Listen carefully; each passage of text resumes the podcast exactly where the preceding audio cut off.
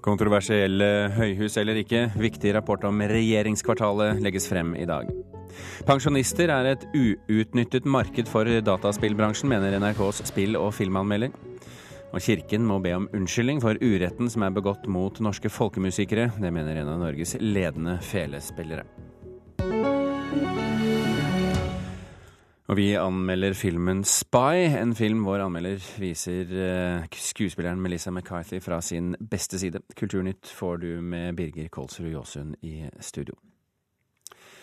Rådet for byarkitektur i Oslo kommune advarer mot å bygge for tett og for høyt i det nye regjeringskvartalet. Tidligere har både Riksantikvaren og plan- og bygningsetaten advart mot å presse for mange departementer inn på for lite areal, slik planene for regjeringskvartalet nå gjør. Og i dag klokken ti kommer rapporten fra Statsbyggs egen evalueringsgruppe om de seks forslagene til nytt regjeringskvartal som foreligger. Rådet for byarkitektur håper den leder til en grundig diskusjon om hvor stor plass regjeringen egentlig trenger. Det viktigste er å vurdere å samle den nye bebyggelsen mellom Møllergata og Grubbegata. Det vi så i parallelloppdragene var at da får man veldig god plass til f.eks. å ha en plass eller en park mot vest. Eh, og man kan også beholde Y-blokken, noe vi mener er svært viktig. Y-blokken har Henning Kalland lyst til å gjøre attraktiv for folk flest. Første etasje kan åpnes ut mot gaten, og huset kan inneholde alt fra demokratisenter til kafeer som skaper liv i området. Kalland leder Rådet for byarkitektur, en håndfull arkitekter som gir råd om byggeprosjekter til Oslo kommune, og som nå har kommet med en enstemmig uttalelse om regjeringskvartalet. Vi stiller også spørsmål ved om, skal, om det er riktig å samle så mange departementer. Eh, selv så er jeg jo veldig usikker på om det er lurt f.eks. å ligge i Utenriksdepartementet her, av sikkerhetshensyn faktisk. Statsbygg fikk tidligere i vår seks forskjellige forslag til hvordan nytt regjeringskvartal kan se ut. Alle har nye høyhus med i skissene sine. Det har allerede skapt reaksjoner at regjeringen ønsker å samle alle departementene på ett sted i byen. Noe som gjør at det trengs mange kontorer og store hus for å få plass til alle byråkratene. Vi er veldig redd for at eh, Høyblokka, som skal bli stående, bare skal bli et lite karnapp på en kjempebygning eller et anlegg som kommer her. Har byantikvar Janne Willberg sagt. Høyblokka kan trues hvis den eh, bygges inne og ikke blir synlig for oss har avdelingsdirektør Hanne Geiran hos Riksantikvaren sagt. Både Stortinget, Slottet har moderate størrelser. Og det blir veldig rart hvis den ene delen av um, altså styringsfunksjonene skal ha en helt overdimensjonert fysisk form, mens de andre er moderate, beskjedne uh, anlegg. Har direktør for plan- og bygningsetaten i Oslo, Ellen de Vibe, sagt. Avdelingsdirektør i Statsbygg Jo Ultveit Mo er forberedt på at diskusjonen fortsetter. Vi forventer nok at det vil bli en løpende debatt etter at eh, komiteen legger fram sin rapport også. I formiddag får han overlevert evalueringen. De skal peke på eh, de gode og kanskje de litt mindre gode ideene. Og så skal de gi oss da noen råd om hvordan vi kan ta dette videre i den statlige reguleringsplanen som vi skal legge fram eh, til offentlig ettersyn våren 2016. Det som er viktig nå, det er at man eh, ikke, fortsatt ikke drar helt forhastede konklusjoner. Man kan godt gå fremover, men, med, men, men ved, ved, å eh, ja, tenke seg litt om underveis her, da. Reporter her, det var Thomas Alvarstein Ove. Kulturkommentator her i NRK, Agnes Moxnes. Man kan godt gå fremover, men gjør lurt i å tenke seg om underveis, eh, sa Henning Kalland i Rådet for byarkitektur her. Men én ting er å tenke, men hva bør Jan Tore Sanner tenke på? Kan jo gi han et par eh, tips, kanskje, sånn i forlengelsen av det plan- og bygningsdirektør Ellen de Vibe sa. Så bør han tenke på maktfordeling, rett og slett. For det, vi har sett eh, på de tegningene som er kommet til forslag om et nytt regjeringskvartal, så har vi sett veldig høye bygg, tårn, det er bygget tett, eh, voluminøst. Eh, og da ser man en, eh, en regjering som holder på med et voksende byråkrati som er i ferd med å planlegge en bydel i hovedstaden som gjør at Slottet og Høyesterett og Stortinget eh, fremstilles som noen litt sånn mer puslete småbygg, litt tilfeldig plassert i byen. Og så syns jeg han skal eh, tenke på at han kan være med på å gjøre denne byen til et finere sted å være for alle. Men eh, da bør han altså da først lytte godt til de rådene han nå får. Tunge faginstanser som Riksantikvaren, Byantikvaren, Oslo kommunes plan- og bygningsetat og nå altså Rådet for byarkitektur, alle har uttalt seg om det nye regjeringskvartalet. Hvis vi setter dem sammen, hvilket råd er det Jan Tore Sanner har fått, egentlig? Ja, De er i hovedsak ganske entydige, de rådene han har fått eh, så langt. Det man sier, er at man altså prøver å presse altfor mange kvadratmetere inn på altfor liten plass. Og med det så følger det egentlig en nokså naturlig konklusjon. Enten så må byråkratiet slankes betraktelig. Eller så må hver byråkrat få mindre kontorplass, altså antall kvadratmetere, enn det det er planlagt eh, så langt. Eller så må man liksom bare legge bak seg den store visjonen om å samlokalisere alle departementene på ett sted i, i byen. Om eh, et par små timer, så klokken ti altså, kommer rapporten fra Statsbyggs egen evalueringsgruppe. Nå vet jo ikke vi hva den inneholder, men tror du at den kommer til å være opptatt av de samme problemstillingene som de andre her? Jeg tror det. Eh, og så tror jeg i tillegg at Jan Tore Sanner kommer til å få støtte i at Y-blokka kan rives. Der eh, mener jo Byantikvaren og Rådet for byarkitektur noe annet. Men det blir veldig interessant å følge med på hva som kommer frem i denne rapporten. fordi den gruppa eh, som har utarbeidet den, så sitter det håndplukkede folk som kan byutvikling, som kan trafikk, kan sikkerhet, kulturminnevern og arkitektur. Og jeg er helt sikker på at de har lagt seg veldig i selen for å gi eh, både regjeringen og Statsbygg veldig klare og entydige råd. Men i hvilken grad må Sanner, en som formelt hører på, og ta hensyn til disse rådene, da? Altså Hvis eh, Sanner og regjeringen skal ha håp om å få ferdigstilt et nytt regjeringskvartal innen 2024-2025, da er han og regjeringen nødt til å gi skikkelig gass. Og da er det siste de ønsker seg, eh, kraftige og utslitne krangler om høyde og tetthet og, og utseende på, på, bygg. Sånn at eh, jeg tror at de kommer til å legge seg på, eller høre her, at de gir råd som gjør at, at dette blir mindre smertefullt i, i årene fremover. Klokken ti kommer altså denne rapporten. Eh, vi kommer selvfølgelig til å dekke den eh, her både i Kulturnytt og Dagsnytt eh, fremover og Dagsrevyen i kveld. Men hva skjer videre etter det? Ja, Nå skal jo da Nå har, eh, har, Jan Tore Sanner, altså kommunalministeren, bedt om å få innspill og råd. Det har de fått til, til gangs. Eh, nå tar de med seg disse rådene inn på kontorene sine, lukker døra, setter seg ned og prøver å tenke glupt. Og så kommer de ut igjen om et eh, lite, om et lite års, eller ca. et års tid. Og da skal de ha med seg en reguleringsplan under, under armen. Agnes Moxnes, takk for at du kommenterte.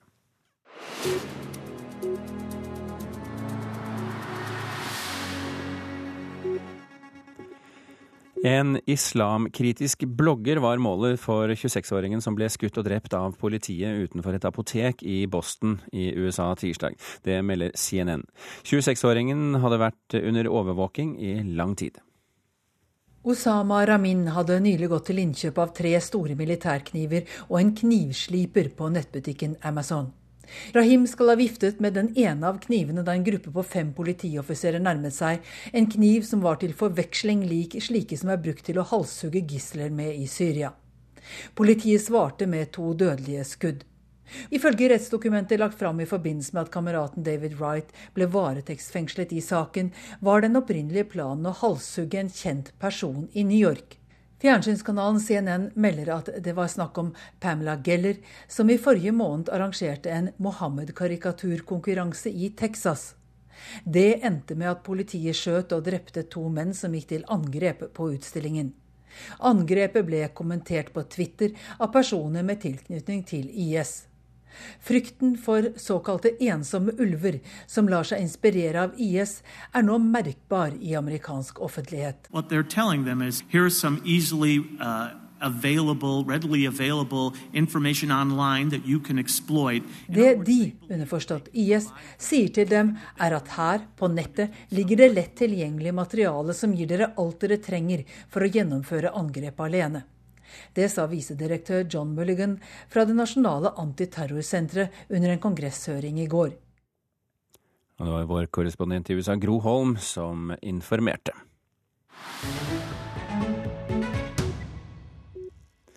Kulturbyråden i eh, Oslo bør vurdere å trekke seg frivillig. Det sier leder for Fremskrittspartiet i Oslo til Dagsavisen i dag. Bakgrunnen er kostnadsoverskridelsene på det nye hovedbiblioteket i byen, og det hun mener er et brudd på grunnleggende parlamentariske spilleregler i bystyret. Hun er også kritisk til prosessen rundt byggingen av det nye Munch-museet bak Operaen i Bjørvika. Men eh, om han skal gå, så må han altså gjøre det frivillig. Wilhelmsen vil nemlig ikke stille mistillitsforslag. Gjenreis Porsgrunn kirke slik den ble bygget i 1760. Det krever aktivister i grenlandsbyen som nå protesterer mot arkitektforslagene til ny kirke. I 2011 ble kirken totalskadet i brann, og mange ville bygge den opp igjen slik den var. Men i fjor ble det vedtatt å bygge ny kirke. De sju forslagene arkitektkonkurransen nå har frembrakt, får nok en gang protestene frem, og leder for protestaksjonen Kirken opp sier til Klassekampen at de syns de sju forslagene er enda verre enn forutsagt. Kirkerådet avgjør hvilket av de sju som blir Porsgrunns nye kirke 30. juni. Pensjonister utgjør et uutnyttet marked for dataspillbransjen. Det mener spill- og filmanmelder her i NRK, Rune Haakonsen. I går fortalte NRK at eldre nordmenn som spiller dataspill, nå bruker nesten én time hver dag på dette. En sterk økning på få år. 72 år gamle Turi Manshaus sin favoritt er bokstavspillet Wordfeud.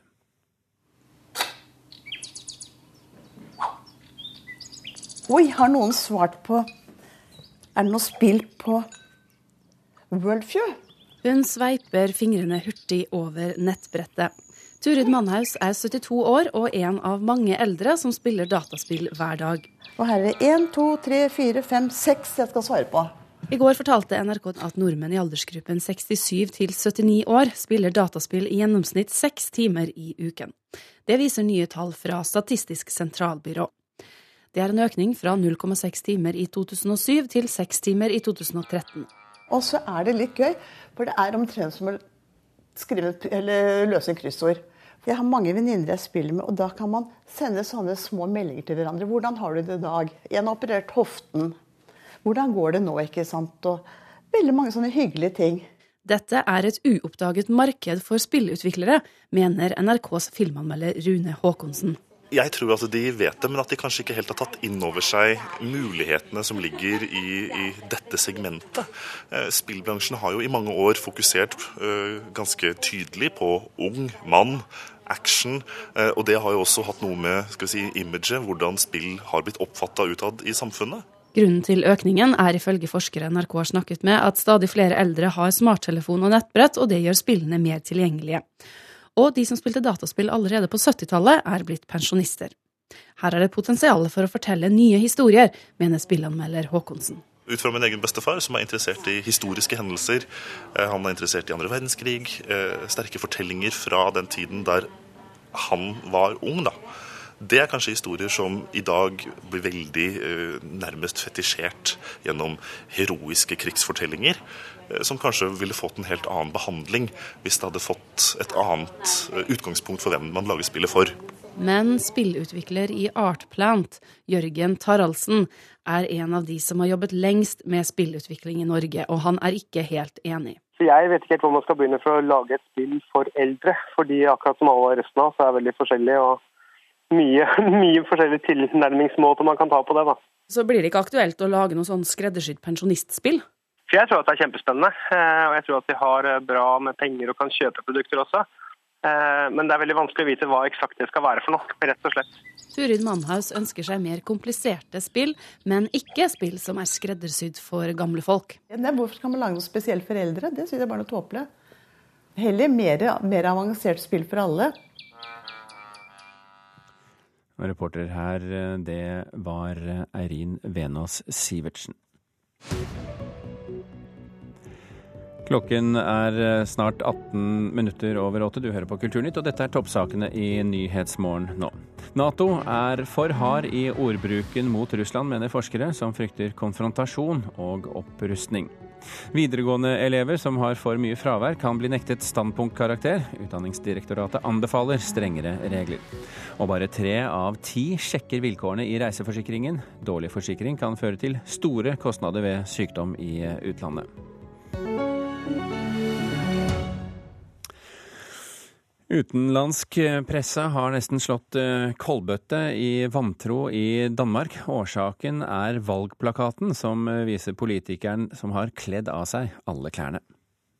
Men altså, jeg syns han er lekker. Jeg synes han er lekker fordi han er nøyen. Det er valfeber i Danmark. I København finner du mest ikke et tre eller en lyktestolpe uten opptil flere valgplakater. Altså, det han har på, det er jo også flott, kan man si. Ja, ja, god stil. God stil. Læderbælte. Men én skiljer seg ut, og det er plakaten til Jan Erik Wagner. Bortsett fra en cowboyhatt og et pistolbelte poserer han helt naken. Plakaten har sjokkert internasjonale medier verden over de siste dagene. Så her henger det altså en eh, av din nakenplakat. Yes. Og, og den eh, har du hengt opp selv? Ja, jeg har laget det helt selv. På Ammerbrogade henger Einar Wagner sine nakenplakater midt mellom folketingskandidater med slips og perleøredobber. Han sier han ville skilje seg ut. Ja, her er en dame fra Radikale. Og, og, og de skåret over samme kamp, hvis du forstår mener. De er ens alle sammen, og deres plakater er laget i plastikk. Egentlig var ideen å provokere den danske pressa til å høre på han, og ikke bare politikerne. Dette er nemlig det tredje folketingsvalget Wagner stiller opp til, og nå håper han at den internasjonale oppmerksomheten vil gi han medvind.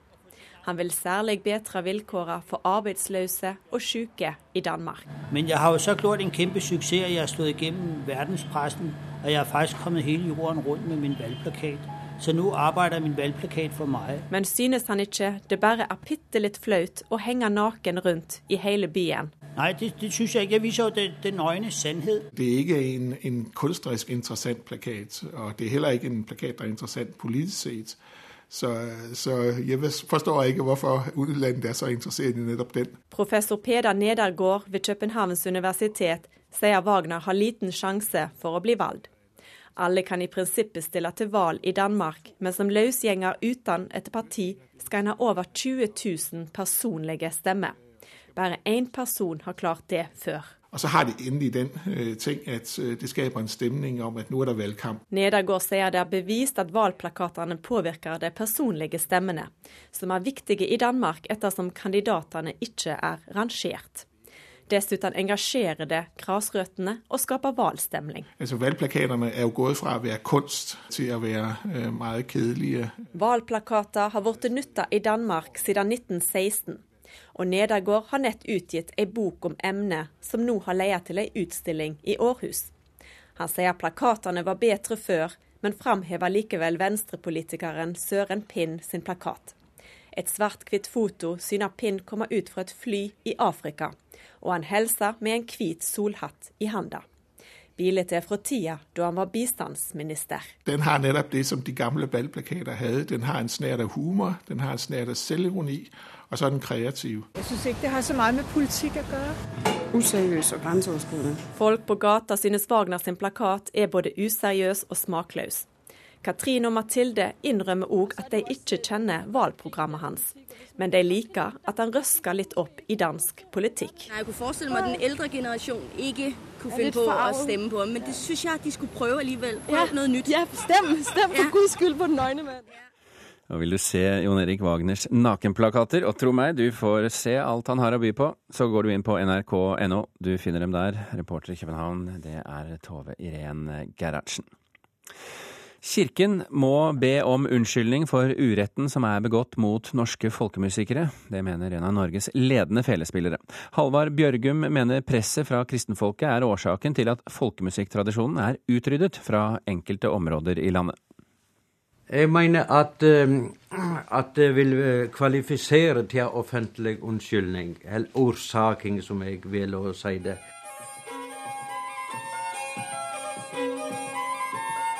Feler som ble brende eller knuste, Spelemenn som ble fryst ut av lokalmiljøet og tvungne til å spille religiøs musikk. Det var realiteten for norske folkemusikere i flere hundre år. Nå tar Halvard Bjørgum bladet fra munnen og krever ei ordsaking fra høyeste hald. Folkemusikken som eh, sådan eh, fortjener å offentlig unnskyldning, til liks med de taterne og eire eh, folkegrupper som har blitt eh, misbruka og mishandla. Bjørgum mener kirkelige krefter fra 1820-åra av drev en kampanje mot folkemusikken, og at det førte til at folkemusikktradisjonen i somme områder ble utrydda. Det faktum at folkemusikken har, fått så mye mm, motgang at det resulterer at enkelte dalfører, som f.eks. Seirdal og Føresdal, praktisk tale har mistet sin uh, folkemusikkultur for all støt.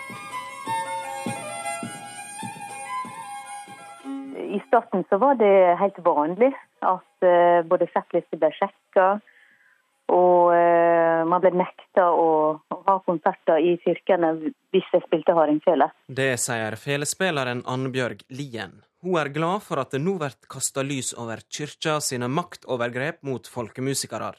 Sjøl har hun flere ganger opplevd å bli nekta å spille hardingfele i kyrkja. Sist gang så seint som på 90-tallet. I forbindelse med konsert jeg skulle ha med Erik Bye i Nidarosdomen. Eh, da ble det i utgangspunktet et, eh, nei på da Erik Bye eh, i den krafta han sto for, kjempa det fram at det var alle eller ingen, og det ble konsert med hardingfele.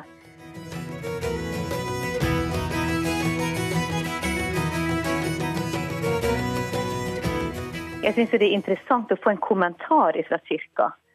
Hvordan de tenker og hvordan, hvordan hele det, det, kristne miljøet forholder seg til en sånn historie. Men preses og øverste leder for Den norske kyrkja, Helga Haugland Byfuglien, ønsker ikke å gi noen slik kommentar når NRK kontakter henne. Hun viser i stedet til andre bispekolleger. Altså, jeg er jo veldig enig i at uh, kirka har forsømt seg i forhold til den gaven og den ressursen som folkemusikken er. Folkemusikken er helt sentral i norsk kultur. Sier bispen i Bjørgvin, Halvor Nordhaug. Når det gjelder dette punktet med beklagelse, så kan jeg i og for seg gjerne beklage det uh, rent generelt. At, uh, at, Kirken da ikke har brukt folkemusikken slik som vi burde. Det er ikke noe problem. Men å rette en formell beklagelse liksom til hvor skulle den være rettet i så fall? Det syns jeg kanskje er litt søkt. La oss også bare ta med at det var Nynorsk pressekontor som først skrev om denne saken. Du kan høre mer om den hvis du er interessert i dagens eh, program Spillerom klokken tre minutter over elleve på P2. Reportere det var Lars Ivar Nordahl og Guri Skeie.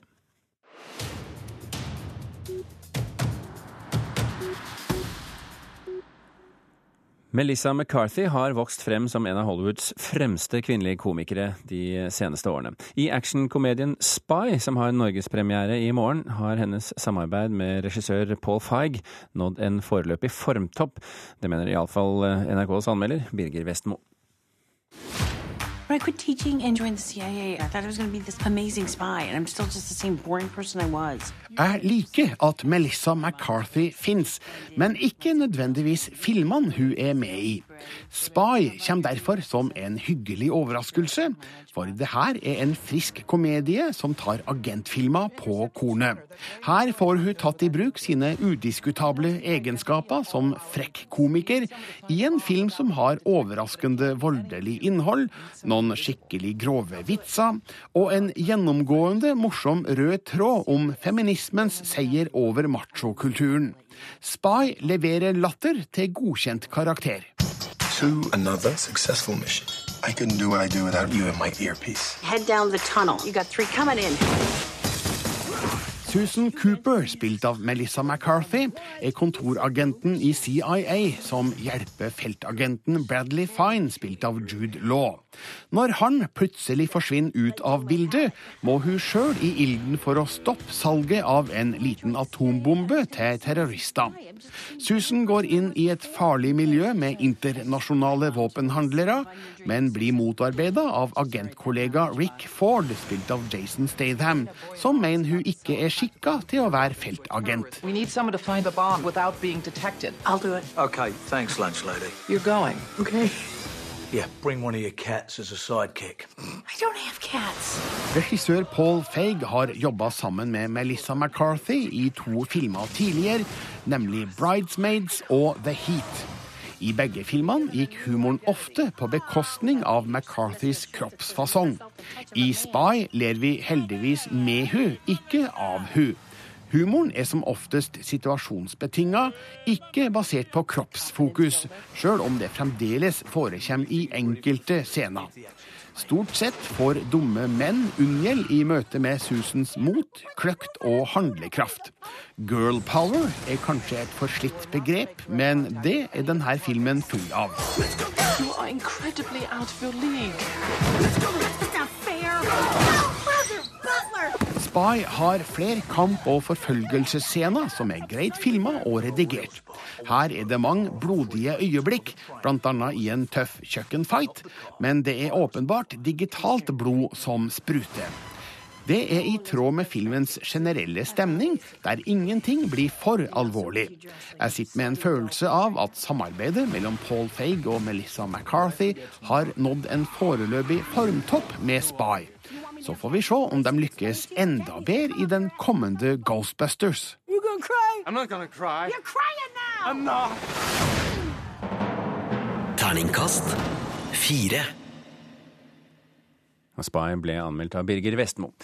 Klokken ti i formiddag kommer altså rapporten som blir førende for hvordan det nye regjeringskvartalet skal bli. Agnes Moxnes, kulturkommentator, sa her i Kulturnytt at kommunalminister Jan Tore Sanner er nødt til å høre på rådene han får. Hilde Tosserud, Gjermund Jappé og Birger Kålsrud Aasund takker foreløpig for følget.